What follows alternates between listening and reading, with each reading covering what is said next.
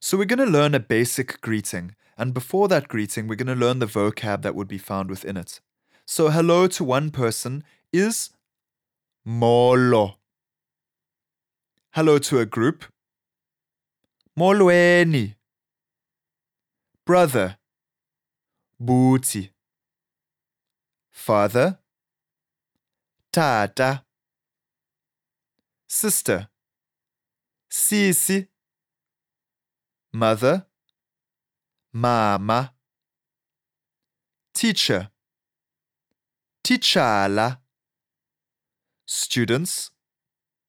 Bafundi. The prefix for it. Ku. How? Njani. So how's it? Kunjani. Physically well. Philile.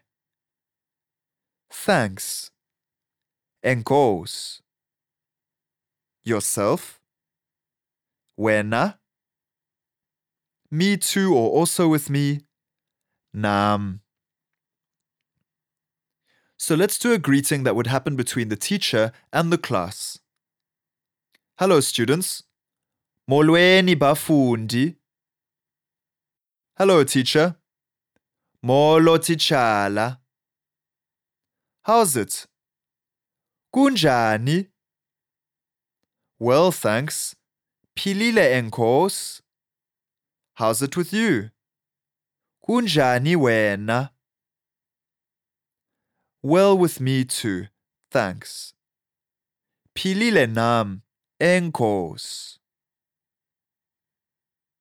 So if you were just greeting one on one with someone, it would go more like this. Molo bhuti. Molo sisi. Kunjani? Philile enkos. Kunjani wena? Philile nam, enkos.